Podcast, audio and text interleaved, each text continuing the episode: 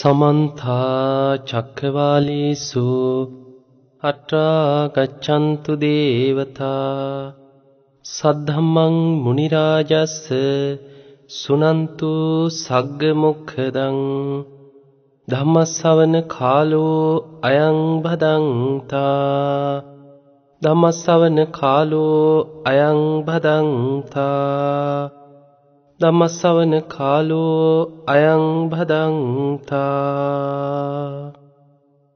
නමෝ තස්ස භගවතු අරහතු සම්මා සම්බුද්දස්ස නමෝ තස්ස භගවතු අරහතු සම්මා සම්බුද්දස්ස නමෝ තස්ස භගවතු අරහතු සම්මා සම්බුද්දස්ස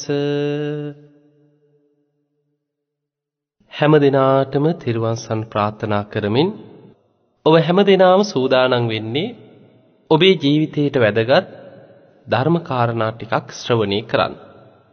පිඟතුනි මේ බුද්ධ ශාසනය තුල වැඩ සිටිය ශ්‍රාවක ශ්‍රාවිකාවන්ගේ චරිත අපි බොහෝ වෙලාවට අපේ ජීවිතයට ගලප ගන්න උත්සාහ කරනවා.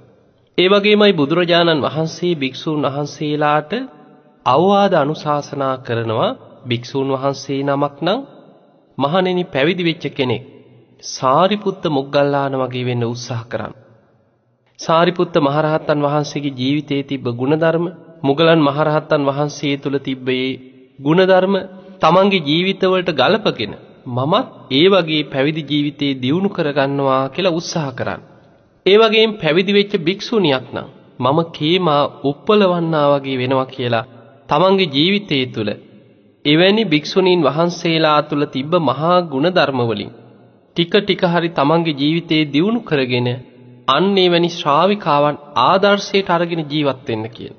ඊළඟට උපාසක උපාසිකාවන්ටත් බුදුරජාණන් වහන්සේ නොඑක් චරිත ගැන පෙන්නනවා. ඒ අතර උපාසකවරුන්ට බුදුරජාණන් වහන්සේ පෙන්නනවා මම චිත්ත ගෘහපති වගේ කෙනෙක් වෙනවා. හත්තාලෝක පුත්ත සිටුතුමා වගේ කෙනෙක් වෙනවා කියලා තමන්ගේ ජීවිතය තුළ මේ සිටුවරුන් විදිහ දැන් ඒ අය සිටුවරු විතරක් නෙමෙයි බුදුරජාණන් වහන්සේගේ ධර්මයේ තුල පිහිටලා ගිහි ජීවිතයක් තුල කෙනෙකුට ලබන්න පුළුවන් ඉහළම මාර්ගඵල දක්වා අනාගාමී ඵලයේ දක්වාම ජීවිතේ දියුණු කරගත් අය. ඒ වගේම බුදුරජාණන් වහන්සේ පෙන්නනවා උපාසිකාවන් හැටියට ගිහි ජීවිතේ ගත කරන අයගේ අරමුණ වෙන්නට ඕනේ මම කුජුත්තරා වගේ කෙනෙක් වෙනවා. මම වේලුකණ්ඨකී නන්ද මාතා වගේ කෙනෙක් වෙනවා කියලා ජීවිතය තුල උත්සාහ කරන්න කියලා. මේ අතර අපිට මුණ ගැහෙනවා මේ බුද්ධ ශාසනය තුල අග්‍රදායකවරු අග්‍රදායිකාවරු මේ බුද්ධ ශාසනයේ බබලව මේ බුද්ධ ප්‍රමුඛ සංඝයාට අප උපස්ථාන කරන්නම පෙරුම් පුරාගෙන ආපු මහා ශ්‍රාවකයෝ පින් ඇති අය ගැන අපිට අහන්න ලැබෙනවා. දැන් සොත්තිය බමුණා හැම බුදු කෙනෙකුටම කුසතන දෙන පුද්ගලයෙක් ගැන ධර්මයේ සඳහන් වෙනවා. එතකොට බුදුරජාණන් වහන්සේ පිරිනිවන් පාන්න පෙර දේශනා කරන ආනන්ද පිරිනිවන් පාන්න පෙර බුදුරජාණන් වහන්සේට සුජාතාව පූජා කරපු ඒ කිරිපිඩු දානයත් ඒ වගේම පිරිනිවන් පාන දවසේ චුන්ද කර්මාර පුත්ත පූජා කරපු මේ දානයත් මහත්ඵලයි මහානිසංසයි බුදු කෙනෙකුට පූජා කරපු දානයන් අතර අග්‍රයි කිය. එතකොට මේ වගේ හැම බුදු කෙනෙක්ගෙම ශාසනේ දැන් සවැත් නුවර ජේතවනාරාමයේ දිහා බලනකොට ඒ පුණ්‍ය භූමිය 18 කෝටියක් කහවණු වියදම් කළා ඉඩම මිලදී ගන්න. තවත් 18 කෝටියක් වියදම් කරලා කුටි සෙනසුන් ආරාම සකස් කරලා බුද්ධ ප්‍රමුඛ සංඝයා වඩම්මලා පූජා කරන උත්සවයටත් 18 කෝටියක් වියදම් කරන් 54 කෝටියක් Taman ධාර්මිෂ්ඨ උපයා සපයාගත් ධනෙ වියදම් කරලා අවිදහිත පුණ්‍ය භූමියක් වෙච්ච මේ ජේතවන පුණ්‍ය භූමිය බුද්ධ ප්‍රමුඛ සංඝයාට සකස් කළ පූජා කරන්න මහා පිං ඇති පෙරුම් පුරාගෙන ආපු කෙනෙක් තමයි සුදත්ත සිටුවරයා. අනාථපිණ්ඩික සිටුවරයා. මේ බුද්ධ ශාසනයේ අග්‍ර උපස්ථායකයා බවට අග්‍රදායකයා බවට පත් වුණා. බුදු කෙනෙක්ගේ ජීවිතේ බුදුරජාණන් වහන්සේ වැඩිම කාලයක් වැඩ ඉන්නේ සවැත් නුවර ජේතවනාරාමේ මුල් කරගෙන. වස් කාල 19ක් සවැත් නුවර ජේතවනාරාමේ බුදුරජාණන් වහන්සේ වැඩ සිටියා. ඒ වගේමයි විසාකාව කරලා පූජා කරපු පූර්වාරාම නම් වූ කාම්බර 1000කින් යුක්ත මේ දෙමහල් ආරාමේ මේ ප්‍රාසාදේ බුද්ධ ප්‍රමුඛ සංඝයාට පූජා කරපු මේ ආරාමයේ තුල බුදුරජාණන් වහන්සේ වස් කාල 6ක් වැඩ හිටියා. බුදුරජාණන් වහන්සේගේ ජීවිතයේ අවුරුදු 25ක්ම මේ සවැත් නුවර ආශ්‍රය කරගෙන තමයි බුදුරජාණන් වහන්සේ වැඩ සිටිමින් බොහෝ දිනාට හිතසුව පිණිස විශාල ධර්ම ප්‍රචාරයක් කරා. ඒ නිසා සැවැත්නුවර හිටපු කෝටි 7ක් තරම් ජනතාවගෙන් කෝටි 5කට ආසන්න පිරිසක් මාර්ගඵලලාභීන් බවට පත් වුණා කියලා ධර්මයේ සඳහන් වෙනවා. පින්වතුනි මේ බුද්ධ ශාසනය තුල බුදුරජාණන් වහන්සේගේ අග්‍රදායකෙක් බවට පත් වෙන්න අග්‍රදායිකාවක් බවට පත් වෙන්න මේ අය මහා පිං ඇති පෙර පෙරුම් පුරාගෙන එන අය කල්ප ලක්ෂයක් පෙරුම් පුරාගෙන එන මහා පිං ඇති පිරිස් අතර මම බුදු කෙනෙක්ගේ ශාසනේ මෙන්න මේ විදිහට මගේ ජීවිතේම කැප කරලා බුද්ධ ප්‍රමුඛ සංඝයා වෙනුවෙන් අප උපස්ථාන කරන කෙනෙක් බවට පත් වෙනවා කියලා කල්ප ලක්ෂයකට පෙර තමයි විසාකාව පවා ප්‍රාර්ථනා කරගෙන පින් කරන්න පටන් ගත්. මේ මහා පින් ඇති විසාකාව එදා ඉපදුනේ සැවැත් නුවර නෙමේ විසාකාවගේ මුතුන් මිත්තන්ගේ නගරේ තමයි රජගහනුවර. රජගහනුවර බිම්බිසාර රජ්ජුරුවන්ගේ මේ නගරේ හිටියා අමිත භෝගී සිටුවරු පස් දෙනෙක්. පුණ්‍ය ඉරිදි ඇති සිටුවරු පස් දෙනෙක්. මේ සිටුවරු පස් දෙනා නිසා මේ නගරයට පුදුමාකාර ලැබීමක් තිබ්බේ. විසාකාවගේ මුතුන් මිත්තෝ තමයි මෙන්ඩික සිටුවරයා චන්ද්‍රපත්මා දේවී ඇතුළු මේ පිරිස. මෙන්ඩික සිටුවරයා කියන්නේ මහා පුදුම කෙනෙක්. මෙන්ඩික සිටුවරයා මීට පෙර සසරේ පසේ බුදුරජාණන් වහන්සේලා වැඩ සිටිය කාලයක්. බුද්ධ ශූන්‍ය කාලයක්. ඒ කාලේ මේ මෙන්ඩික සිටුවරයාත් බොහොම ධනවත් සිටුවරයෙක් හැටියට ඉන්න කාලේ ඒ කාලේ විශාල නියගයක් ගැන කල් තියා දැනගත්. ඒ දුර්භික්ෂයක් ඇතිවන ලකුණු පහළ වෙච්ච වෙලාවේ මෙන්ඩික සිටුවරයා බොහොම බුද්ධිමත් වුණා. පුළුවන් තරම් ධාන්‍ය වර්ග වගා කරන්න පටන් ගත්. කල් තියාම නියගේට පෙර සූදානම් වුණා. මේ ධාන්‍ය වගා කරලා මේ අස්වැන්න ගෙනහල්ලා මේ වී ආදිය ගෙනහල්ලා පුළුවන් තරම් ආරක්ෂා සහිතව බොහෝ කාලයක් තියාගන්න පුළුවන් විදිහට ගබඩා කරා. ගබඩාවලට පුරවලා පුරවලා ගබඩා පිරීලා ගියා. ඊට පස්සේ ධාන්‍ය ගෙනහල්ලා සම්පූර්ණයෙන්ම බිත්ති මැද තියලා මැටි වලින් වැහුවා. යම් වෙලාවක ආහාර හිඟ වුණාම මේව හරි ප්‍රයෝජනෙට ගන්න පුළුවන් කියලා. ඊළඟට gedara මල් පෝච්චි ආදී මොනවා හරි දේවල් තියෙනවා නම් හිස් තැන් ඒ හැම තැනටම ධාන්‍ය වර්ග පිරෙව්වා. මෙහෙම පුරවලා මුළු ඉඩ කඩන් වල හැම තැනම ධාන්‍ය වර්ග ගබඩා කරලා තියාගත්. නමුත් බොහෝ දෙනෙක් ඔය නියගේ කොහේන එකක් ආවොත් බලාගන්න බැරිය කීකී හිටියා. නමුත් නියගේ දුර්භීක්ෂය ආවට පස්සේ බොහෝ දෙනෙකුට ආහාර හිඟයක් ඇති වුණා. ඒ වෙලාවේ මෙන්නික සිටුවරයා එදා ඒ සසරේ තමන් රැස් කරගත්ත මේ ධාන්‍ය වර්ග කල්තියා නුවණින් කල්පනා කළ රැස් කරගත්ත මේ ධාන්‍ය වර්ගයන්ගේ ඒ පිහිටෙන් තමයි බොහෝ දෙනෙක්ගේ ජීවිත ආරක්ෂා කරගත්. ඒ නගරෙම හිටපු පිරිසට ප්‍රයෝජනෙට ගන්න පුළුවන් විදිහට ටික ටික ටික ටික බෙදා හදා මිනිස්සුන්ට දන් දුන්නා. ඒ දන් දෙමින් ඒ පින තුල බොහෝම පින් ඇති ප්‍රාර්ථනා කරා මට මිනිස්සු ගැන දුකී මගේ යාචකයන්ට දන් දෙන්නම මේ පින උපකාර වේවා. එවැනි චේතනාවෙන්ම සසරි දන් දුන්නා. මෙහෙම දන් දීලා දන් දීලා කාලයක් යනකොට මේ තමන් රැස් කරගත්ත දේවල් සියල්ල දැන් අවසන් වේගෙන වේගෙන ගියා. එහෙම අවසන් වේගෙන යනකොට අර මල් පෝච්චි වල දාලා හංගපු තැන්වල බිත්ති මැද්දේ තියලා මේ මැටි ගහලා හංගගත් තැන් මේ හැම තැනකම තිබ්බ ධාන්‍ය අවසන් වේගෙන යනකොට ගෙයි වල්ලලා තිබ්බ පුංචි මුට්ටියක්. මේ මුට්ටියේ තිබ්බ ධාන්‍ය ටිකක් දැන් අවසන් වේගෙන යනවා. අන්තිම ටික. එදා මේ මෙන්ඩික සිටුවරයා ඒ ආත්මේ බොහොම වෙහෙසටපත් වෙලා ගෙදර ඇවිල්ලා තමන්ගේ දේවියට කියනවා ආහාර ටිකක් හදන්න මට හොඳටම බඩකිනී කිව්වා. නමුත් ඒ දේවිය කවදාවත් නෑ කියන වචනේ තමන්ගේ කටින් කියන්නේ නැති දේවිය හාමන් සකස් කරන්නම් කියලා දන්නව දාන්නේ චුට්ටයි තියෙන්නේ. ගියා. ගිහිල්ලා ඉවර වෙලා මේ තියෙන ටික අරගෙන බැලුවා මේක එක කටකටවත් ප්‍රමාණවත් නැහැ කමක් නැහැ කියලා බොහොම අමාරුවෙන් අර පිරිමැස්මෙන් මේක සුද්ධ කරලා අරගෙන ලිපේ තියලා ආහාරය සකස් කරා. ටික වෙලාවක් යනකොට පසේ බුදුරජාණන් වහන්සේ නමක් එදා නිරෝධ සමාපත්තියෙන් නැකිටලා ගන්ධ මාදන පර්වතයේ හිටිය මේ පසේ බුදුරජාණන් වහන්සේ බැලුවා දානයක් පිළිගන්න සුදුසු තැනක් තියෙනවද මේ මනුස්ස ලෝකෙ විශාල දුර්භීෂයක් පැතිරිච්ච කාලයක් උන්වහන්සේ පසේ බුදුරජාණන් වහන්සේලා නිරෝධ සමාපත්තියෙන් නැගී ඉඳලා අටවෙනි දවසේ පිණ්ඩපාතේ වඩිනකොට උන්වහන්සේට දානයක් නොලැබුණොත් එදාට පිරිනිවන් පාන්න සිද්ධ වෙනවා. උන්වහන්සේ බැලුවා පිරිනිවන් පාන්න මට සිද්ධ වෙයිදෝ දානයක් පිළිගන්න සුදුසු කෙනෙක් ඉන්නවා දෝ කියලා බලනකොට මේ සිටුවරයාගේ නිවස දැක්කා. පිං ඇති කෙනෙක්. දන් දෙන්න සිතුවිලි තියෙන කෙනෙක්. මහා පිං ඇති කෙනෙක්. අහසින්ම පාත්‍රය අරගෙන මේ මිදුලට වැඩම කරා. හැබැයි ඒ වෙලාවේ දේවිය දැනගත්තා gedara hariය දෙයක් නැහැ. ඉතුරු වෙලා තියෙන ටිකයි. මේ සිටුවරයා පුදුම සතුටෙන් ගිහිල්ලා අර දාහනි ටික අරන් එන්න කීවා මේ ස්වාමින් වහන්සේට පූජා කරු මට නැතත් කමක් නැහැ කිව්වා. ගිහිල්ලා අර වාජනේ ඇරලා බලනකොට හරිම පුදුමයි. සම්පූර්ණයෙන්ම සුවඳ හමන ඇල්හාලේ බත් වලින් පිරිච්ච මුට්ටියක් බවට පත් වෙලා මේ දානි භාජනයේම අරගෙන පුදුම සතුටෙන් ඇවිල්ලා මේ පසේ බුදුරජාණන් වහන්සේගේ පාත්‍රයට මේ දානි ටික බෙදුවා හරිම පුදුමයි හරිම ආශ්චර්යයි. දානි බෙදන්න බෙදන්න අර භාජනේ පිරීලා එනවා. උන්වහන්සේට දන් බෙදලා අවසන් වුණා. උන්වහන්සේ පින් අනුමෝදන් කරලා අහසින් වැඩියා. නමුත් අර භාජනේ අවසන් වෙන්නේ නැහැ.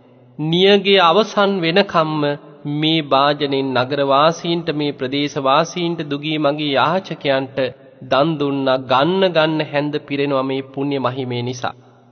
ඔන්න ඔය වගේ මහා පිං ඇති කෙනෙක් තමයි එදා මෙන්ඩික සිටුවරයා හැටියට විසාකාවගේ මුතුන් මිත්තන් හැටියට ඉපදුනේ. මේ මෙන්ඩික සිටුවරයාගේ මේ පුණ්‍ය මහිමේ නිසාම පෝය දවසට නාල කරලා තෙත්තු කෙස් ඇතුව නගරේ ඉදිරියට ඇවිල්ලා යම් අදිෂ්ඨානයක් කරනවා නම් අටකිරියක් මානේ තියෙන මේ වී ගබඩාවන් වී වලින් පිරීලා ඉතිරිලා යනවා. එතකොට මේ වගේ මහා පිං ඇති සිටුවරයෙක් තමයි මෙන්ඩික සිටුවරයා.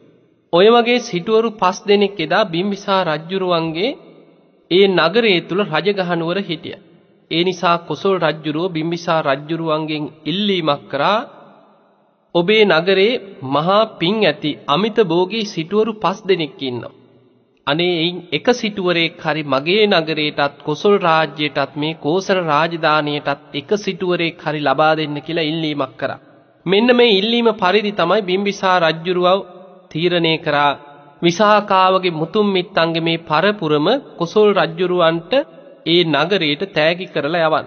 අන්නේ පොරොන්දුව පිට තමයි එදා රජගහ නුවර ඉඳන් කෝසල රාජ්‍යයට කොසල් ජනපදයට පිටත් කරලා මෙන්ඩික සිටුවරයාගේ බිසව තමයි චණ්ඩපත්මා දේවී. එක අතක චණ්ඩ ලක්ෂණත් අනිත් අතේ පත්ම ලාංඡනයත් ඇතුව ඉපදිච්ච මහා පිං ඇති කෙනෙක්. ඉතින් ඒ අයට දාව ලැබිච්ච දරුවා තමයි ධනංජය සිටුවරයා. මේ ධනංජය සිටුවරයාගේ පළවෙනිම දරුවා තමයි විසාකා සිටු දියණි. ඉතින් ඒ නිසා මේ විසාකාවගේ මේ මුතුන් මිත්තන් මේ සියලු දෙනාම එදා රජගහ නුවර ඉඳන් පෙරහැරකින් තමයි කෝසල රාජධානියට පිටත් වෙලා තමන්ගේ මුතුන් මිත්තන් පෙළපතේ අය ඥාතීන් ඒ වගේ මහා පිරිසක් සමග පෙරහැරකින් මේ නගරයට පැමිණෙනකොට එදා දහවල් කාලේ සාකේත නුවර තමයි ආහාර ගන්න නතර වුණේ. ඒ ආහාර ගන්න නතර වෙච්ච නගරේ මේ අය කල්පනා කරා සවැත් නුවරට යොදුන් හතක් තියෙනවා මේ සාකේත නුවර. දිව ආහාරය අරගෙන ටිකක් නතර වෙලා කල්පනා කරා. ඉතින් සවැත් නුවර මෙතනට ළඟයි. මෙතනත් කොසල් රජුරුවන්ගේම නගරේ කොටසක්. අපි සියලු දෙනා මෙතන නගරයක් හදාගමු කියලා එදා විසාඛාවගේ මේ ඥාති මුතුන් මිත්ත ඔක්කොම සාකේත නුවර තමයි නගරයක් හදාගෙන අර පිරිස සියලු දෙනා මේ කොසල් රජුරුවන්ගේ අවසරේ පරිදි ඒ නගරේ නතර වුණා. මේ විසාකාව සෝවාන් උනේ රජගහ නුවර. ඔබ දන්නවා බුදුරජාණන් වහන්සේ බුද්ධත්වයට පත් වෙලා එදා රජගහ නුවර බිම්බිසාර රජුරුවන්ට වෙච්ච පොරොන්දුවක් ඉෂ්ට කරන්න. බුදුරජාණන් වහන්සේ රජගහ නුවරට වැඩම කරේ 1000ක් සංඝ පිරිස පිරිවරාගෙන. උරුවෙල් කාශ්‍යප නදී කාශ්‍යප ගයා කාශ්‍යප ඇතුළු 1000ක් දෙනා. ඒ වගේම සාරිපුත්ත මොග්ගල්ලාන භික්ෂූන් වහන්සේලා සමග 250ක් පිරිස 1250ක් පිරිස එදා රජගහනුවර වැඩ හිටියා. මේ 1250ක් පිරිස මෙන්ඩික සිටුවරයාගේ මේ රජගහනුවර මේ ප්‍රදේශයට වඩම්මන්න. එදා රජගහනුවර ඉන්නකොට මෙන්ඩික සිටුවරයා පෙරහැරක් සංවිධානය කළ තමන්ගේ නගරයට වඩම්මලා දානයක් සූදානම් කරා. මේ බුද්ධ ප්‍රමුඛ 1250ක් සංඝ පිරිස පිළිගන්න සකස් කරපු පෙරහැරේ මල් කල අරගෙන හිටපු මේ පොඩි දරුවන් අතර විසාකාවට එදා අවුරුදු 7යි. එදා ඒ පෙරහැරේ ඉදිරියෙන් ගිය කෙනෙක් තමයි විසාකාව. එදා බුදුරජාණන් වහන්සේට මෙන්ඩික සිටුවරේ ඇතුළු මේ පිරිස දන් පැන් පූජා කරලා අවසානයේ බුදුරජාණන් වහන්සේ දහම් දෙසුවා. දේශනාව අවසන් වෙනකොට බොහෝ පිරිසක් ධර්මාවබෝධය ලැබුවා. ඒ අතර අවුරුදු 7ක් වයස ඇති විසාකාව උතුම් සෝවාන් ඵලයට පත් වුණා. එතකොට විසාකාව තමන්ගේ මුතුන් මිත්තන් මෙන්ඩික සිටුවරයා චන්ද්‍රපත්මා දේවිය දනංජේ සිටුවරයා විසාකාවගේ මෑණියෝ තමයි සුමනා දේවිය. එතකොට මේ සියලු දෙනා එක්ක තමන්ගේ මුතුන් මිත්තන් ඥාතීන් සමග සාකේත නුවර තමයි නතර වෙලා කල් ගත කරේ. ඉතින් විසාකාව මෙහෙම තරුණ වයසට එනකොට එදා සාකේත නුවර අසලින් ගලාගෙන ගියා මේ අචිරවතී නදිය. මේ ගඟට ගියා නාන්න. නාලා ගොඩට එනකොටම මහ විශාල වර්ෂාවක් හිටි හැටි ඇදහැළුණා. මේ ගඟ දෙපස තැන් තැන්වල තියෙනවා හදිස්සියේ වැස්සක් ඇදහැළුණොත්. නොතෙමී ඉන්න Tamanට රෙදි මාරු කරගන්න මේ වගේ පොඩි අම්බලන් වගේ හදලා තියෙන. විසාකාවගේ ඉහෙලියන් ටික අර වහිනකොට වතුරෙන් ගොඩට ඇවිල්ලා රෙදිත් අරගෙන දුවගෙන ගිහිල්ලා අර අම්බලමකට ගියා නොතෙමී විසාකාව ඒ වෙලාවේ වතුරෙන් ගොඩට ඇවිල්ලා මොනතරම් වැස්සත් Tamanගේ ඇඳුම් තෙමුණත් දුවගෙන ගියේ නෑ. බොහෝම සංවර ගමනකින් තමයි අම්බලම ළඟට ගියේ. ඒ අනකොට සැවැත් නුවර මිගාර සිටුවරයාගේ නියෝජිත වෙච්ච බ්‍රාහ්මණවරු 8 දෙනෙක්. මිගාර සිටුවරයාගේ පුත්‍රයා වෙච්ච පූර්ණවර්ධන කුමාරයාට සුදුසු දියණියක් හොයන්න හිතාගෙන ඇවිදගෙන යනවා නගරේ තැන් තැන්වල සුදුසු කෙනෙක් හොයනවා. මෙහෙම යනකොට මේ අයත් අර වැස්සට අර අම්බලමට අම්බලමට ඇවිල්ලා මේ බ්‍රාහ්මණවරු 8 දෙනා ඉන්නකොට මේ අය දකිනවා නොතෙමී ඉන්න මේ අම්බලමට දුවගෙන ආවට අනිත් තරුණ කාන්තාවෝ මේ විසාකාව බොහොම ලස්සන කෙනෙක්. කිසිම කලබලයක් නැතුව. තමන්ගේ ඇඳුම් තෙමුණත් රෙදි තෙමුණත් බොහෝම සංවර ගමනකින් අම්බලමට ආවා. මේ අට දෙනාම මූණෙන් මූණ බලාගෙන විසාකාවගේ මේ සංවර ගමන ගැන කල්පනා කරලා බැලුවා අංග ලක්ෂණ දිහා බලනකොට පංච කල්යාණේම පිහිටලා තියෙනවා. ඒ වෙලේ කතා කරා. කතා කරලා ඇහුවා ඇයි දියණිය මේ මහ වර්ෂාවක් ඇදහැලිද්දී ඔබේ යාළුව දුවගෙන ඇවිල්ලා මේ අම්බලමට ආවත් ඇයි ඔබ බොහොම සංවරව මේ හිමින් ආවේ ඇයි කියලා ඇහුව තෙමි තෙමි. එතකොට විසාකාව කියනවා මගේ දෙමව්පියෝ මාව කෙනෙකුට විවාහ කරලා පිටත් කරන්න තියෙන කෙනෙක්. ඒ නිසා මම වගේ කෙනෙක් දුවගෙන ගිහිල්ලා ඇදගෙන වැටුනොත් තුවාල වුනොත් යම් අනතුරක් වුනොත් මගේ දෙමව්පියන්ට තමයි දුක. කාන්තාවක් දුවන එක සුදුසු නෑ. ඒක අසංවරයි. මගේ මේ රෙදි ටික මට වේල ගන්න පුළුවන්. නමුත් ඒ අසංවරකම නිසා මම දුවන්නේ නෑ කීවා. ඒක සුදුසු නෑ කිව්වා. මං අන්නේ නිසා තමයි කිව්වා තෙමුණත් කමක් නෑ කියලා මේ හිමින් අන්නේ කරුණු ටික අහගත්ත මේ සිටුවරු අට දෙනා මූණෙන් මූණ බලලා මේ අය කතා වුණා. මෙන්න මේ කෙනා නම් සුදුසුයි අපේ මිගාර සිටුවරයාගේ පුත්‍රයා වෙච්ච පූර්ණවර්ධන කුමාරයාට මේ දියණිය සුදුසුයි. ඉතින් තමන්ගේ දෙමව්පියෝ කවුද පෙළපත් කොහොමද මේ විස්තර ගැන දැනගත්ත බ්‍රාහ්මණවරු අට දෙනා ඒ වෙලාවෙම විසාකාවගේ කරට මල් මාලාවක් දැම්ම. ඒකට කියන්නේ ධාරක පරිත්‍රාජය. මේ ධාරක පරිත්‍රාජය කියන මේ මල් මාලාව දැම්මට පස්සේ ඔන්න කියා හිටිය දියණිය අපි මේ වගේ පිරිසක් අපි මිගාර සිටුවරයට මේ කුමාරිකාවක් හොයන්න යන්නේ ඔබ මේකට ගැලපෙනවා කියලා මල් මාලාව දාලා සම්මත කරාට පස්සේ විසාකාව පණවිඩයක් ඇරිය රතයක් එවන්න කියලා රතයකින් තමයි අර පිරිසත් එක්කම තමන්ගේ නිවසට ගියේ. ගියාට පස්සේ මේ අය ඇවිල්ලා විසාකාවගේ මුතුන් මිත්තෝ ඒ දෙමව්පියන් මුණ ගැහිලා කතා බහ කරලා දැන් ඔන්න විවාහයට සියලු කටයුතු සූදානම් කරගත්.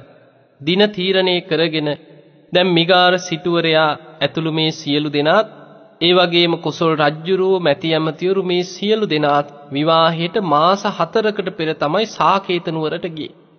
දැන් සාකේත නුවරට ගියාට පස්සේ ධනංජය සිටුවරයා විසාකාවගේ පියාණන් මේ කුස රජ්ජුරුවන්ට අමාත්‍යවරුන්ට සියලු දෙනාට පහසුකම් සලස්සමින් මාස 4ක් පුරාවටම දැන් මේ තාම විවාහේ වෙන්නේ නැහැ.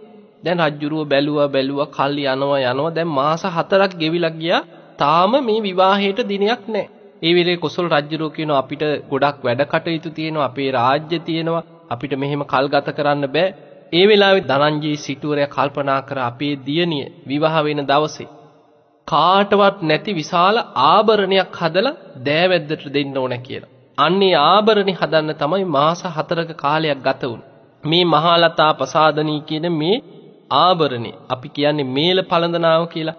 මෙන්න මේ පළඳනාව 9 කෝටියක් වටින මේ පළඳනාව සකස් කරන්න මාස 4ක කාලයක් ගත වුණා. පිංගතුනි විසාකාවට ඇත්තු පස් දෙනෙකුගේ කාය ශක්තියක් ඇති කෙනෙක් කියලා සඳහන් වෙනවා. පෙර සසරේ කල්ප ලක්ෂයක් පුරා පාරමී පුරාගෙන ආපු දම් පිංකම් කරමින් ආපු කෙනෙක්. ඒ ප්‍රාර්ථනා මහිමේ නිසා ඒ පුණ්‍ය ශක්තිය නිසා ඇත්තු පස් දෙනෙකුගේ කාය ශක්තියක් ඇතුව ඉපදිච්ච කෙනෙක් තමයි විසාකාව.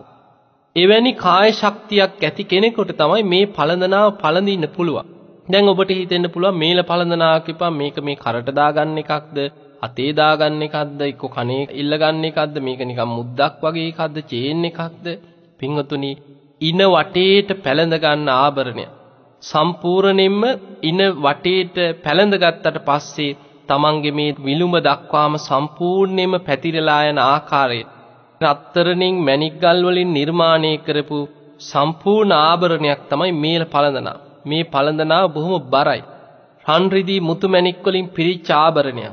මේ පළඳනාව උස්සලා පැලඳ ගන්නත් ලොකු කාය ශක්තියක් තියෙන කෙනෙක් වෙන්නට ඕන. මේ වටිනා පළඳනාව සකස් කරලා එදා විවාහ ගිවිස ගැනීම සියල්ල සිදු කරා.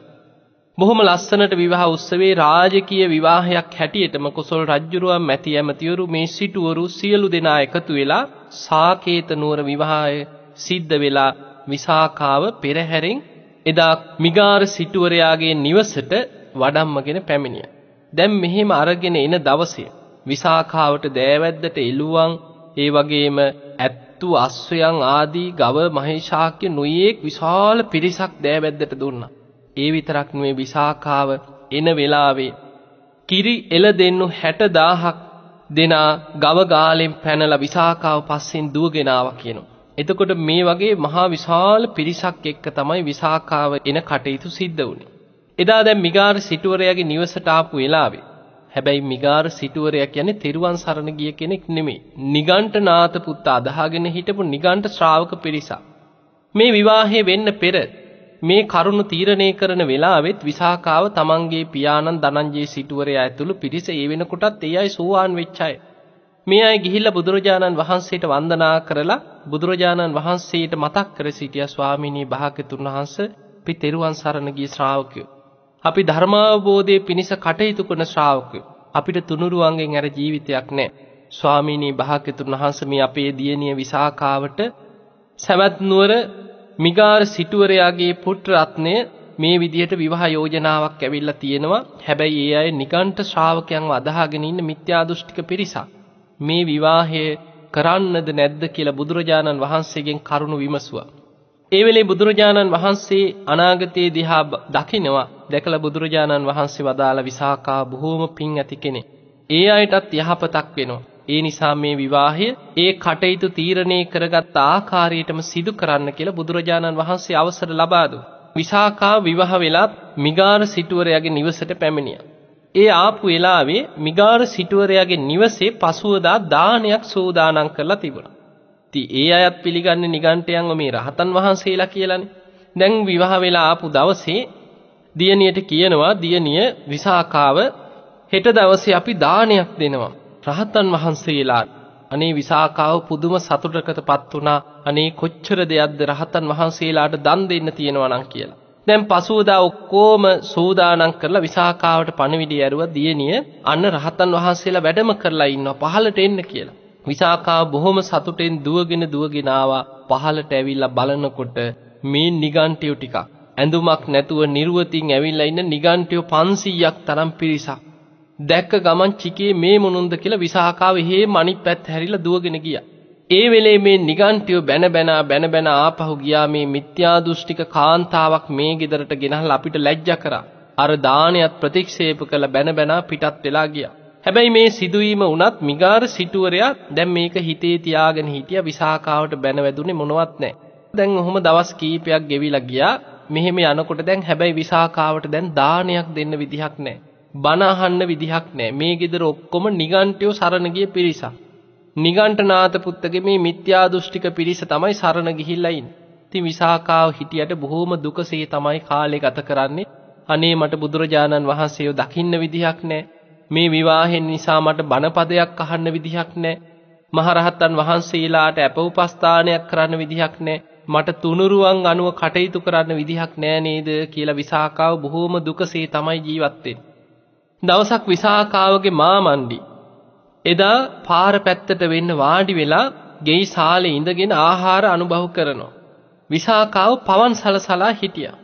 ඒ වෙලාවේ බුදුරජාණන් වහන්සේගේ ශ්‍රාවක වෙච්ච භික්ෂූන් වහන්සේ නමක් ගෙපිලි වලින් පිණ්ඩපාතේ වඩිනකොට මේ මිගාර සිටුවරයාගේ ගේ ඉදිරියටත් පිණ්ඩපාතේ වැඩම කරා. ඒ වෙලාවේ විසාකාව තමන්ගේ මාමණ්ඩියට පවන් සලසලා හිටි මාමණ්ඩි ආහාර ගන්න. ඒ වෙලාවේ විසාකාවට දැන් මුකුත් කියා ගන්න විදිහක් නැහැ. විසාකාව දන්නවා මේ gederin මොනවත් බුදුරජාණන් වහන්සේගේ ශ්‍රාවකයන්ට ලැබෙන්නේ නැහැ. ඒ වෙලේ විසාකාව අර ස්වාමින් වහන්සේට ඇහෙන්න කියනවා අපේ මාමණ්ඩියේ පුරාණේ අනුභව කරනවා. ස්වාමීනි වෙන තැනකට වඩින්නේ කියෝ.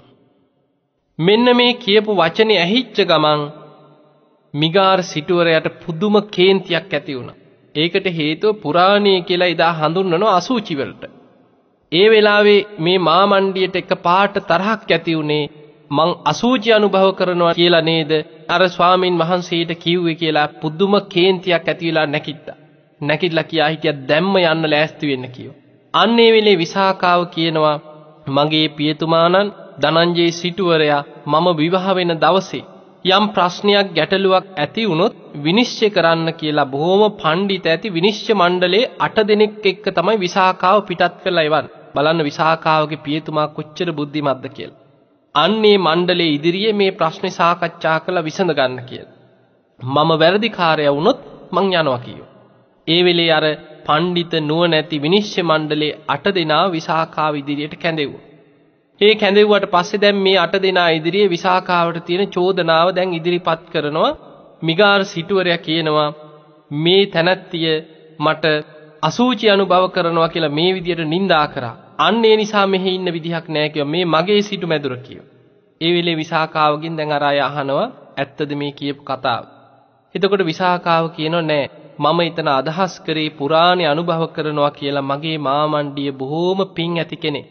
පෙර පින් නිසා තමයි මේ සිටු තනතුරු ලැබිලා මේ වගේ මහ විශාල ධන සම්පත් ලැබිච්ච සිටුවරයෙක් වෙලා තියෙන්නේ. ඒ නිසා පෙර කරපු පිනෙන් ලැබිච්ච මේ පුණ්‍ය ශක්තිය අනුභව කරනවා කියන එක තමයි මං පුරාණේ අනුභව කරනවා කියලා කිව්වේ. ස්වාමීනි වෙන තැනකට වඩින්න කියලා කිව්වේ අලුතෙන් පිනක් කරගන්නේ නැහැ, දන් දෙන්නේ නැහැ. ඒ නිසා මේ ගෙදරින් දානයක් ලැබෙන්නේ නැහැ. ඒ නිසා තමයි වෙන තැනකට වඩින්න කියලා මම කිව්වේ කියලා ඔන්න විසාකාව කරුණු දැක්කුවා. අන්න ඒ වෙලාවේ අර අට දෙනෙක්ගෙන් යුක්ත විනිශ්චය මණ්ඩලයේ තීරණය කරා විසාකාව නිවැරදි කියලා. ඒ වෙලාවේ මිගාර සිටුවරයත් ඒක පිළිගත්. ඒ වෙලේ ඇහුවා තව චෝදනාවක් තියෙනවද කියලා විසාකාවට. එතකොට ඊළඟ චෝදනාව ඉදිරිපත් කරා මේ විසාකාව විවාහ වෙලා ආපු දවසේ. අපේ පුතා ගැන හොයන්නේ නැතුව පිටත් වෙලා ගියා කියව විසාකාව එක්කරගෙන ආපු කාන්තාව කීප දෙනෙක් එකතු කරගෙන පිටත් වෙලා ගිහිල්ලා අර අස්වගාලට වෙලා හිටියා. විවාහ වෙච්ච දවසේ රාත්‍රී රෑ බෝ වෙනකම්ම ඒ අස්වගාලේ ගත කර අපේ පුතා ගැන හෙව්වේ නෑ කිය. ඔන්න විසාකාවට ආපු ඊළඟ චෝදනා. එතකොට ඇහුවා මේ ඇයි කියලා. එතකොට විසාකාව කියනවා එදා පිටත් වෙලා ආපු දවසේ මට දෑවැද්ද හැටියට අස්සයෝ ඇත්තෝ බැටළුවෝ මේ වගේ නොයේක් සත්තු විශාල පිරිසක් මාත් එක්ක පිටත් වෙලා මේ ප්‍රදේශයට ආවා. ඒ ආපු අස්වැයන් අතරින් අජානීය අස්ව වෙලබකට පැටියෙක් එදාම ඉපදුනා. ඒ පැටිය ඉපදිච්ච වෙලාවේ අපේ දෙමව්පිය අපිට උගන්වලා තියෙන්නේ සතෙක් හම්බුනාට පස්සේ ගිහින් අපෝපස්ථාන කරන්න කියලා. ඒ නිසා අස්වැයෙකුට වුණත් ගවයෙකුට වුණත් කාට වුණත් පැටියෙක් ලැබුණාට පස්සේ අපි ගිහිල්ලා නහවලා දුම් අල්ලලා පිරිසිදු කරලා ඒ කටයුතු කරලා තමයි අපි ගිහිල්ලා නිදාගන්නේ. අන්න ඒ වෙලාවේ විනිශ්චය මණ්ඩලය එතනිනුත් විසාකාව නිවැරදි කෙනෙක් බවට ඔන්න එතනනිත් ඔප්පු වුණා. ඊට පස්සේ ඇහුවා මිගාර සිටුවරයාගෙන් මේ විසාකාවට තවත් චෝදනා තියෙනවද? එතකොට මේ සිටුවරයා කියනවා ඔయిత වඩා තව ලොකු චෝදනාවක් තියෙනවා කියෝ. මම මේක කියාගන්න බැරුව තමයි කිව හිටියේ. ඒ මොකද්ද කියලා ඇහුවා. විසාකා විවාහ වෙන්න කලින් දවසේ එදා අපි ගිහිල්ලා ඉන්නකොට විසාකාවගේ පියතුමා රෑ විසාකාවගේ කාමරයට ඇවිල්ලා රහසේ වගේ කරුණු කීපයක් කිව්වා. මං ඒව රහසින් අහගෙන හිටියක මං අල්ලපු කාමරේ හිටියේ. මේවා මගේ හිතට වද දෙනවා කිව්වා. ඒ මොනවද කියලා ඇහුවා. ඇතුළත ගිනි පිටට දෙන්න එපා. පිටත ගිනි ගෙට ගන්න එපා. යමක් ඉල්ලන් ආවොත් ගෙනත් දෙනවා නම් ඒ කෙනාට ආයෙමත් දෙන්න. ඇති හැකි අය කපටිකමෙන් ඉල්ලුවොත් දෙන්න එපා. ඊළඟට දෙන්නම් කියලා ඉල්ලුවොත් ඒ කෙනා නොදී හිටියත් දෙන්න.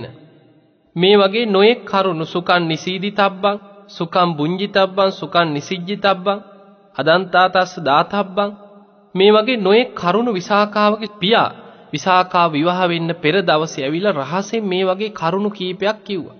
මෙන්න මේ කරුණු මං අහගෙන හිටියා මේකේ අර්ථය මොකද්ද කියලා මට දැනගන්න ඕනේ කිව්වා. මේක මගේ හිතට වද දෙනවා කියව. අන්න ඒ වෙලාවේ විසාකාව එකින් එක එකින් එක පැහැදිලි කරා මම විවාහ වෙන දවසේ මගේ පියා තෙරුවන් සරණ ගිය කෙනෙක් බුදුරජාණන් වහන්සේව සරණ ගිය කෙනෙක්. ඒ නිසා මගේ පියා ඇවිල්ලා මට කියා හිටියේ ඇතුළත ගිනි පිටට දෙන්න එපා කියලා කියා හිටියේ මේ පවුලේ ඇතිවෙන ආරවුල්. දෙමව්පියන්ගේ අඩුපාඩු ස්වාමියාගේ අඩුපාඩු පවුලේ ඥාතීන්ගේ අඩුපාඩු පිටායේ එක කියන්න එපා කියන කාරණයයි ඒ මගේ පියා කියා හිටියේ. ඊළඟට පිටත ගිනි ගෙට ගන්න එපා කියලා මට උපදේශයක් හැටියට දුන්නේ පිට තියෙන ප්‍රශ්න. රටේ මිනිස්සුන්ගේ ප්‍රශ්න අහල පහල ගෙවල් දොරවල් වල ප්‍රශ්න මිනිස්සුන්ගේ තියෙන අඩුපාඩු ගෙවල් ඇතුලේ කතා කරන්න එපා. ඒ නිසා ඒවා ගෙට ගන්න එපා කියන එකයි දෙවණියට කියා හිටියේ. ඊළඟට ඇහුවා දදන්තස්ස දාතබ්බන් කියලා කිව්වේ මොකද්ද? අන්නේ වෙලාවේ කියනවා යමක් ඉල්ලගෙන ආවොත් යම් කිසි කෙනෙක් ඉල්ලගෙන එනවා යමක් තියෙන කෙනෙක්. හැබැයි ආපහු ගෙනල්ලා දෙනවා. අන්න ඒ කෙනා ආයි යමක් ඉල්ලගෙන ආවොත් ඒ කෙනාට දෙන්න. ඒ කියන්නේ යමක් ඉල්ලගෙන ගිහිල්ලා ඒ දේ පරිහරණය කරලා Tamanට ඒ විදිහටම ගෙනල්ලා ආපහු දෙනවනම් එවැනි කෙනෙක් යමක් ඉල්ලගෙන ආවොත් එයාට දෙන්න කියනවා. අන්න ඒක තමයි කිව කිව්වේ. ඊළඟට ඇහුව දදන්තස්ස නදාතබ්බන් කියලා කිව්වේ මොකද්ද කියලා. ඒ කාරණේදී විසාකාව කියනවා ඒ තාත්තා එදා ඒ වෙලාවේ ඒ කිව්වේ යම් අය එනවා යමක් තියන අය. හැබැයි ඉල්ලගෙන ඉන්නේ කපටිකමට. යමක් තිබුණත් කපටිකමෙන් ඉල්ලගෙන ඇවිල්ලා නොදී ඉන්නවා. නොදී මග හරිනවා. දෙන්න පුළුවන්කම තියෙද්දි කපටිකමින් නොදී හිටියෝ එවැනි අයට ආයි ඉල්ලගෙන ආවට දෙන්න එපා. අන්න ඒ කාරණේ තමයි කිව්ව ඒ කිව්වේ. ඊළඟට මොකද්ද කිව්වේ? දදන්තස්සාපි අදන්තස්සාපි දාතබ්බන් කියලා කිව්වේ මොකද්ද කියලා ඇහුවා. ඒ වෙලාවේ විසාකාව කියනවා ඒ කිව්වේ දුන්නත් නොදුන්නත් ඒ අයට දෙන්න කියලා කිව්වේ ඊටාම අසරණ එනවා.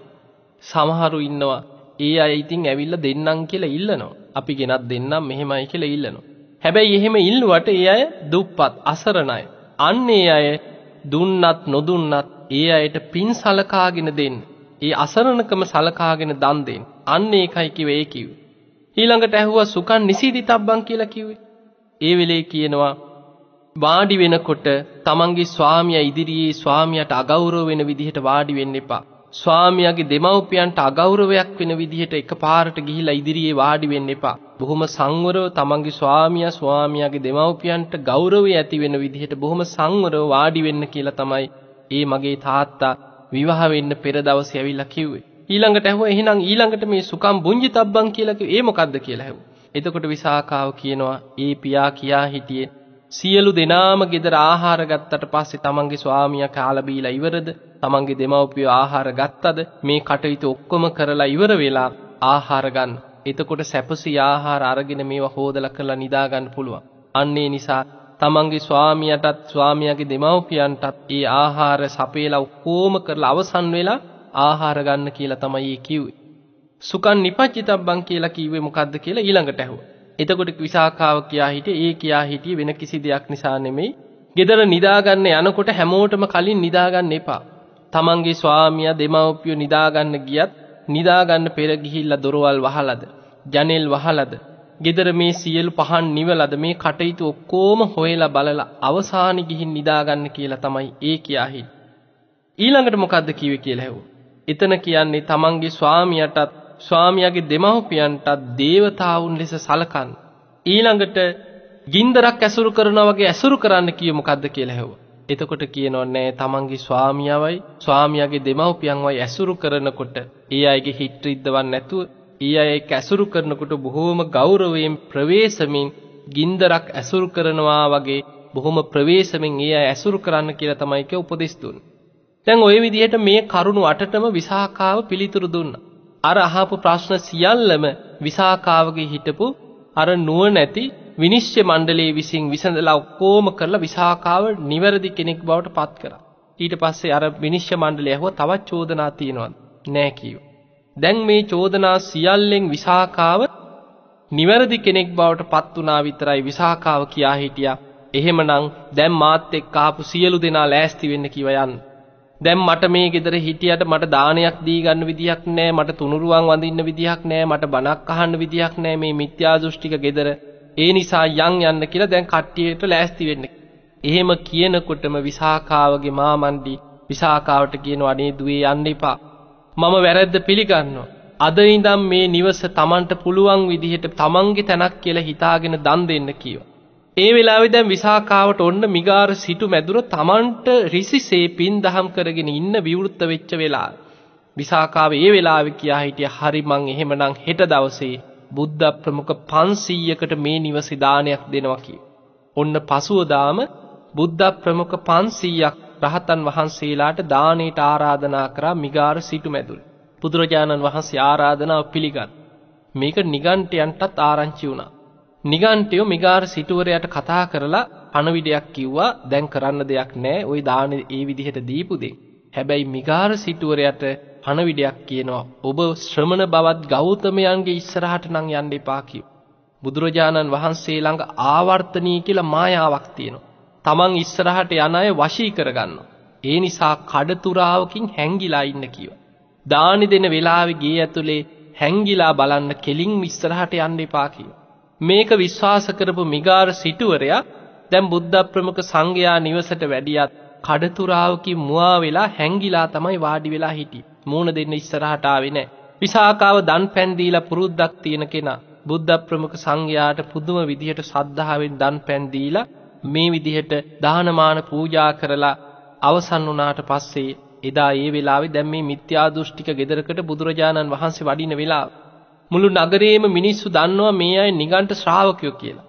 ඒ නිසා මේ කට කතාවටත් එදා විශාල පිරිසක් මේ සිටු මැදුරට එකතු වෙලා හිටියා. බුදුරජාණන් වහන්සේ ඇතුළු 500ක් දෙනා දානේ වළඳලා අවසන් වුණාට පස්සේ බුදුරජාණන් වහන්සේ දහම් දෙසුවා. එදා බණහගෙන හිටපු පිරිස අතර මේ සිටුවරයා මිගාර සිටුවරයා කඩතුරාවකින් මුවා වෙලා හැංගිලා තමයි වාඩි වෙලා බණ ඇහුවේ. හැබැයි කඩතුරාවේ මුවා වෙලා හැංගිලා බණ ඇහුවත් ධර්ම දේශනාව අහලා අවසන් වෙනකොටම අවිද්‍යාව නැමැති කඩතිර හිතෙන් මිදිලා ගිහිල්ලා උතුම් සෝවාන් ඵලයට පත් වුණා මිගාර සිටුවරයා. එදා බණහගෙන හිටපු බොහෝ දෙනෙක් උතුම් ධර්මය අවබෝධ කරගත්. ධර්මය අවබෝධ වෙනකොටම මිගාර සිටුවරයාට පුදුමාකාර සතුටක් තුනුරුවන් ගැන පුදුම ගෞරවයක් ඇති වුණා. අර කඩතුරාවෙන් එළියට දුවගෙන ඇවිල්ලා විසාකාව අල්ලලා බදාගෙන කෑ ගහලා කියන්න ගත්තා මේ මගේ අම්මා කීවා. අන්නේ තුල තමයි මිගාර මාතා කියන නම එදා ඉඳන් තමයි විසාකාවට පට බැඳෙන්න පටන් ගත්තේ. එදා ඉඳන් මේ නිවසේ බුද්ධ ප්‍රමුඛ සංඝයාට දිනපතා දන් දුන්නා. විසාකාවගේ නිවසේ දිනපතා භික්ෂූන් වහන්සේලා 2000කට ආසන පනවලා තිබ්බා කියලා. මහ විශාල සිටු මැදුරක වෙනම කොටසක් වෙන් කරලා. භික්ෂූන් වහන්සේලා 2000කට දිනපතා ආසන පනවනවා දිනපතා භික්ෂූන් වහන්සේලා බොහෝ පිරිසක් දාණයට වැඩම කරනවා. මේ විදිහට විසාකාව බොහෝම සද්ධාවෙන් බොහෝ කාලයක් තිස්සේ දන් දුන්නා. දවසක් මහ විශාල වර්ෂාවක් මුළු දඹදිවටම වැටිච්ච දවසේ බුදුරජාණන් වහන්සේ එදා දානෙට ආරාධනා කරපු දවසේ අනේ විසාකාව කල්පනා කරා මේ මහා වර්ෂාවේ බුදුරජාණන් වහන්සේ වඩම්මන්නේ කොහොමද කියලා හිතනකොට බුදුරජාණන් වහන්සේ 500ක් සංඝ පිරිස සමග විසාකාවගේ නිවසට වඩිනවා එක වැහි බින්දුවක්වත් බුද්ධ ප්‍රමුඛ සංඝයාගේ සිරුරකටවත් ඒ අවට පරිසරයටවත් නොඇටි බුදුරජාණන් වහන්සේ නොතෙමි අර මහ විශාල වර්ෂාව අතරින් බුදුරජාණන් වහන්සේ වැඩම කරා. වැසි ඒ දෙපසට පමණක් ඇදහැළුණා. එදා විසාකාව දානේ පූජා කරලා අවසන් වෙලා බුදුරජාණන් වහන්සේගෙන් වර 8ක් ඉල්ලනවා. අනේ ස්වාමීනි භාග්‍යතුන් වහන්සේ මට වර 8ක් දෙන්න කීවා. බුදුරජාණන් වහන්සේ වදාළ විසාකාව තථාගතයන් වහන්සේලා මේ වරන් දෙන අය නෙමෙයි කීවා. අනේ නෑ ස්වාමීනි යමක් කැපනම් මෙන්න මේ කැප දේවල් වලට තථාගතයන් වහන්සේ මට අවසර දෙන්න කිව්වා. ඒ වෙලේ විසාකාව කියනවා ස්වාමීනි භාග්‍යතුන් වහන්සේ මගේ ඉල්ලීම මට තමයි කීවා මේ සවැත් නුවරට වඩින ආගන්තුක ස්වාමීන් වහන්සේලාට උන්වහන්සේලාට පිණ්ඩපාතේ යා යුතු මාර්ග මොනවද කියලා සවැත් නුවරට වැඩම කරපු ගමන් මේ පාරවල් ගැන දැනගන්න අවස්ථාවක් නැහැ. ඒ නිසා ආගන්තුකව වැඩම කරන භික්ෂූන් වහන්සේලාට මේ සවැත් නුවර පිණ්ඩපාතේ යා යුතු නොයා යුතු මාර්ග ගැන දැනුමක් ඇතිවන තාක්කල් ආගන්තුක භික්ෂූන් වහන්සේලාට දන් දෙන්න ආගන්තුක දාණය මට ලබා දෙන්න කීවා. දෙවන ඉල්ලීම තමයි ස්වාමීනී භාග්‍යතුන් වහන්සේ සවැත් නුවර ඉඳන් චාරිකාවේ වඩින භික්ෂූන් වහන්සේලා ඉන්නවා. උන්වහන්සේලා බොහෝ දුර ඈත චාරිකාවේ පිටත් වෙනකොට ඊට පෙර පිණ්ඩපාත යමින් දානේ සකස් කරගන්න දානි හොයාගන්න මහන්සි වෙන්න ගියොත් උන්වහන්සේලාට චාරිකා ගමන ප්‍රමාද වෙනවා. අන්නේ නිසා චාරිකාය වඩින්න සූදානං වෙච්ච ගමික භික්ෂූන් වහන්සේලාට ගමික දානේ පූජා කරන්න මට අවසර ඕන කිව්වා. විසාකාවගේ ඊළඟ ඉල්ලීම තමයි ස්වාමීනී භාග්‍යතුන් වහන්සේ කැඳ දානේ කානිසංස 10ක් දේශනා කරලා තියෙනවා.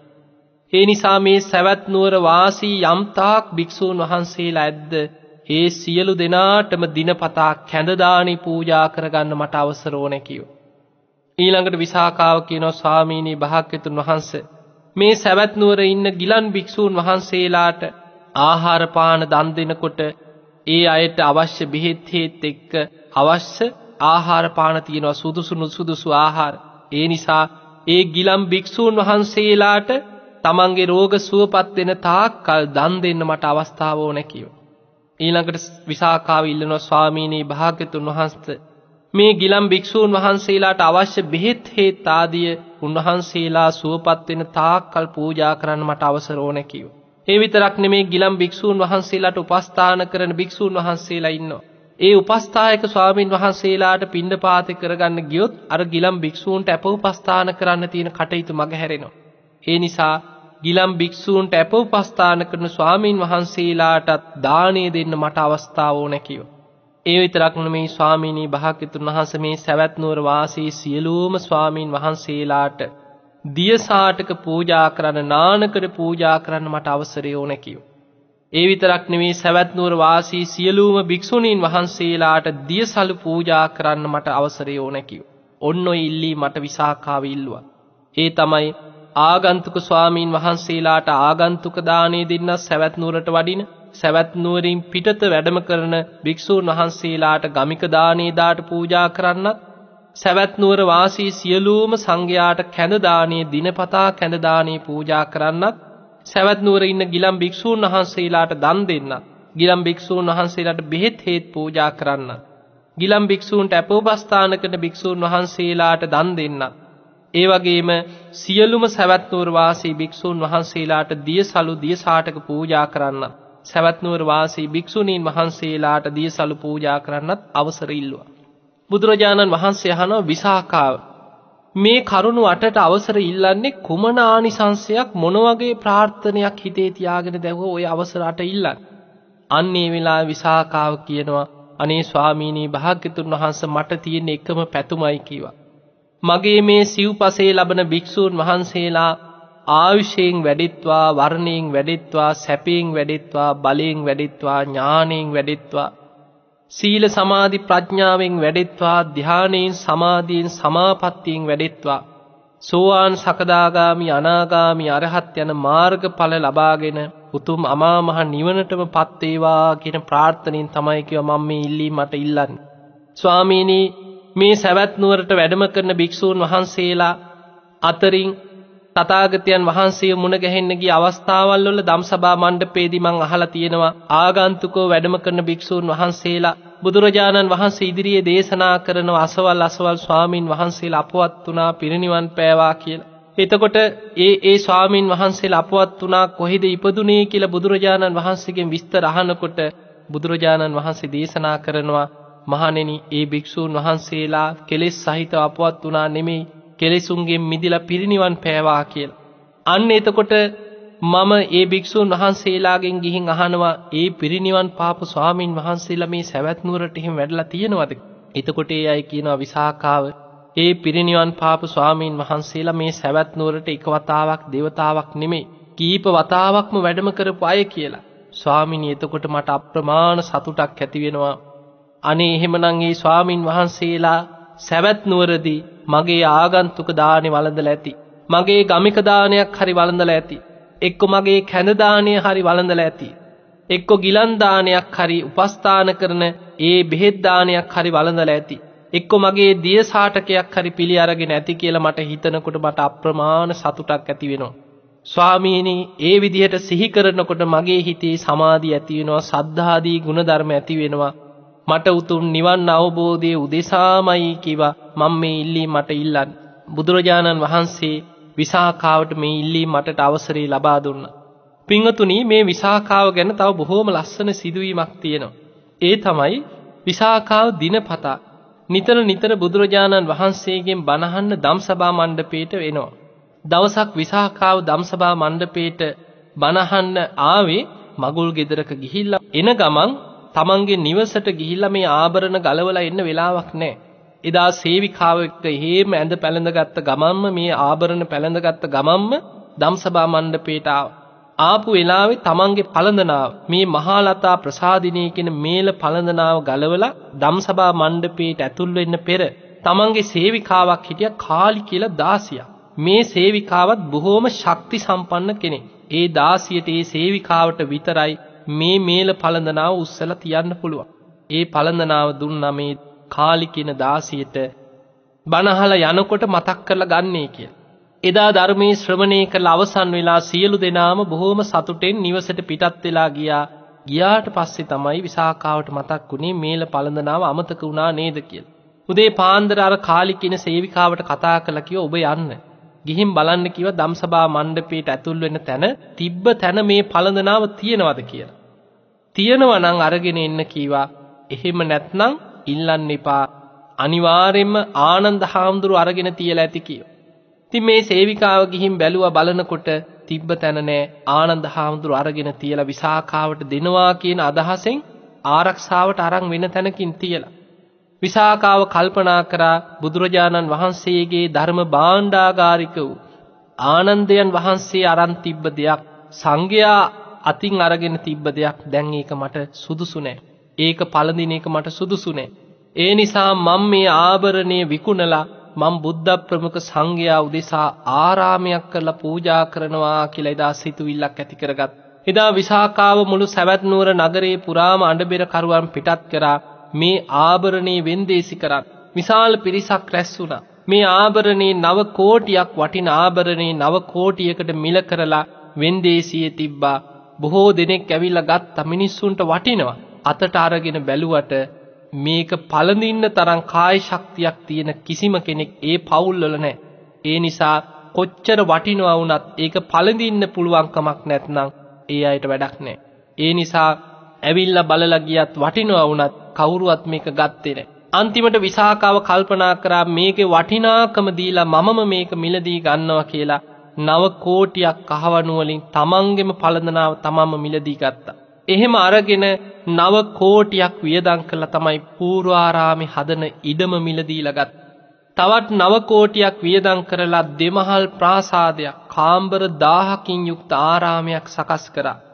ඒ වගේ මේ හැම කුටියකටම ඇඳන් පුටු මේස ඇතිරිලි මේ සියලු දේවල් වලට ඒ වගේ මේ ආරාමේ සංඝසතු කළ පූජා කරන උත්සවයේ මේ පින්කම වෙනුවෙන් තවත් නව කෝටියක් වියදම් කරා. මේ විදිහට 27 කෝටියක් වියදම් කරලා තමයි විසාකාව පූර්වාරාම ආරාමේ සකස් කරලා ඉදා බුද්ධ ප්‍රමුඛ සංඝයා උදෙසා සංඝ සතු කළ පූජා කරේ. පින්වතුනි බොහොම ලස්සන සිදුවීමක් එදා වුණා. බුදුරජාණන් වහන්සේ මහරහතන් වහන්සේලා පිරිවරාගෙන වැඩම කරලා විසාකාව විසින් 27 කෝටියක් කහවණු වියදම් කරලා හදලා පූජා කරපු පූර්වාරාමේ පිළිගත් දවසේ බුදුරජාණන් වහන්සේ බුදුරුව 1000ක් මවාගෙන හැම කුටියකම බුදුරජාණන් වහන්සේ බුද්ධාසන මවාගෙන වැඩ සිටියා. එදා ආරාමේ බුද්ධ ප්‍රමුඛ සංඝයාට පූජා කළ විසාකාව කාම්බරෙන් කාම්බරයට ගිහින් බලනකොට හැම කාම්බරයකම බුදුරජාණන් වහන්සේ වැඩ ඉන්නවා. විසාකාවට පුදුම සතුටක් අප්‍රමාණ සතුටක් ප්‍රීතියක් ඇති වුණා. මේ කාම්බර 1000ම බුදුරජාණන් වහන්සේ පරිහරණය කරා කියන අදහසෙන් බුදුරුව 1000ක් මවාගෙන බුදුරජාණන් වහන්සේ මුළු ආරාමෙම වැඩ සිටියා. එදා විසාකාව තමන්ගේ දරු මුණුබුරන් මිනිබිරියන් මේ සියලු ඥාතීන් පිරිවරාගෙන පූර්වාරාමේ වටා ප්‍රදක්ෂිනා කරමින් බොහොම සතුටින් ගීතිකා ස්වරූපේ මහා හඬින් බුදුගුණ දහම්ගුණ සංගුණ ඒ ගීතිකා අතර තියෙනවා මම සුදුහුණු ආලේප කරපු ආරාමයක් හදලා කවදා පූජා කරන් දෝ කියන සිතුවිල්ලක් මගේ හිතේ තිබුණා. අදේ සිතුවිල්ල ඉෂ්ට වුණා. මම බුද්ධ ප්‍රමුඛ සංඝයාට ආරාමයක් පූජා කරා කියලා පුදුම සතුටෙන් කවිවලට ගීතිකාවලට කිය කියා පූර්වාරාමේ වටේට ප්‍රදක්ෂිනා කර කර වන්දනා කරන්න පටන් ගත්තා. මේක බලාගෙන හිටිය භික්ෂූන් වහන්සේලා කීප දෙනෙක්. අනේ විසාකාව බොහොම සංවර කෙනෙක්. මහා හඬින් කතා කරන කෙනෙකුත් නෙමේ. අද මොනවා වෙලාද මේ? දරු මුණුබුරන් පොඩි අය පිරිවරාගෙන මේ පූර්වාරාමේ වටේට මහා හඬින් මේ ගීතිකා කිය කිය වටේ වඳිනව නේද? කියලා මේ අය ගිහිල්ලා බුදුරජාණන් වහන්සේට පසුවදා කියනවා ස්වාමීනී භාග්‍යතුන් වහන්සේ ඊයේ මේ පූර්වාරාමේ පූජා කරපු දවසේ විසාකාව මෙන්න මේ වගේ හැසිරීමක් දැක්කුවා. ස්වාමිනී විසාකාව බොහොම සංවර කෙනෙක්. අපි කවදාවත් දැකලා නැහැ විසාකාව. මහානින් කතා කරනවා. ඒ නිසා විසාකාවට ඊයේ දවසේ චිත්ත විපිලිසර භාවයක්වත් ඇති වුණාදෝ කියලා බුදුරජාණන් වහන්සේගෙන් අහනවා. අන්න ඒ වෙලේ බුදුරජාණන් වහන්සේ විසාකාව ගැන කියනවා හා හා මහණෙනි විසාකාව ගැන එහෙම හිතන්න එපා කීවා. විසාකාව කියන්නේ කල්ප ලක්ෂයක් පෙරම් පුරාගෙන ආපු මහා පිං ඇති උත්තමාවියක් කීවා. විසාකාව තමන් විසින් 27 කෝටියක් වියදම් කරලා බුද්ධ ප්‍රමුඛ සංඝයාට හදලා පූජා කරපු මේ ආරාමේ දැකලා ඒ තමන් කරපු පින සිහි කරගෙන තමයි කිව්වා සතුටෙන් තමයි කිව්වා ඔය ප්‍රීති වාක්‍ය කිය කියා පූර්ව ආරාමේ වටේට ප්‍රදක්ෂිනා කරමින් වන්දනා කරේ. එදා බුදුරජාණන් වහන්සේ මේ විසාකාව ගැන අනාගත වාක්‍ය කීපයකින් ගාථාවලින් දේශනා කරන්නට යෙදුණා.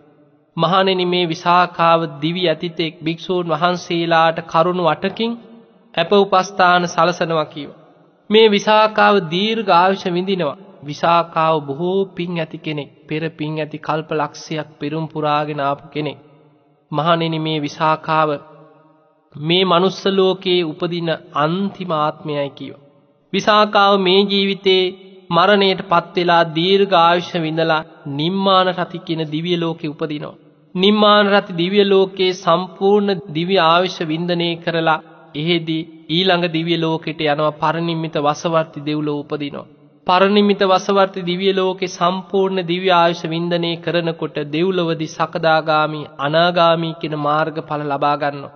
ඒ දිව්‍ය ලෝකෙන් චුත වෙලා අනාගාමි වුණාට පස්සේ සුද්ධාවාස බ්‍රහ්ම ලෝක පහේම විසාකාව පිළිවෙලින් උපදිනවා.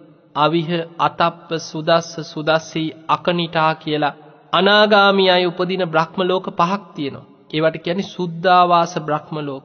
ඒ බ්‍රහ්ම ලෝකවල උපදින්නේ අනාගාමී ඵලයට පත්වෙච්ච අය විතරයි. විසාකාව මේ සුද්ධාවාස බ්‍රහ්ම ලෝක පහේම පිළිවෙලින් ඉපදිලා අකනිටා බඹලවේදී උතුම් අරහත්ත්වයට පත් වෙලා පිරිනිවන් පානවා කිය. මහණෙනි විසාකාව මේ manuss ලෝකෙ ඉපදිච්ච අන්තිම ආත්මයයි කියලා බුදුරජාණන් වහන්සේ විසාකාවගේ ගුණ වර්ණනා කරමින් බුදුරජාණන් වහන්සේ ගාථාවලින් දහම් දෙසුවා. ඒ වගේමයි බුදුරජාණන් වහන්සේ වදාලා ඒත දක්කම් භික්ඛවේ මම ශාවකානං ශාවිකානං අග්‍රදායිකානං මගේ මේ බුද්ධ ශාසනයේ මේ ශ්‍රාවක ශ්‍රාවිකාවන් අතර අග්‍රදායිකාව බවට පත් වෙන්නේ මේ විසාකාවයි කියලා විසාකාව අග්‍රදායිකාවක් බවට මේ ශ්‍රාවක ශ්‍රාවිකාවන් අතර බුදුරජාණන් වහන්සේ අග්‍රස්ථානයක් පවා ලබා දුන්නා. විසාකාව අවුරුදු 120ක් ආයු වින්දනය කළා. දරුවෝ 20 දෙනෙකුගේ අම්මා කෙනෙක්.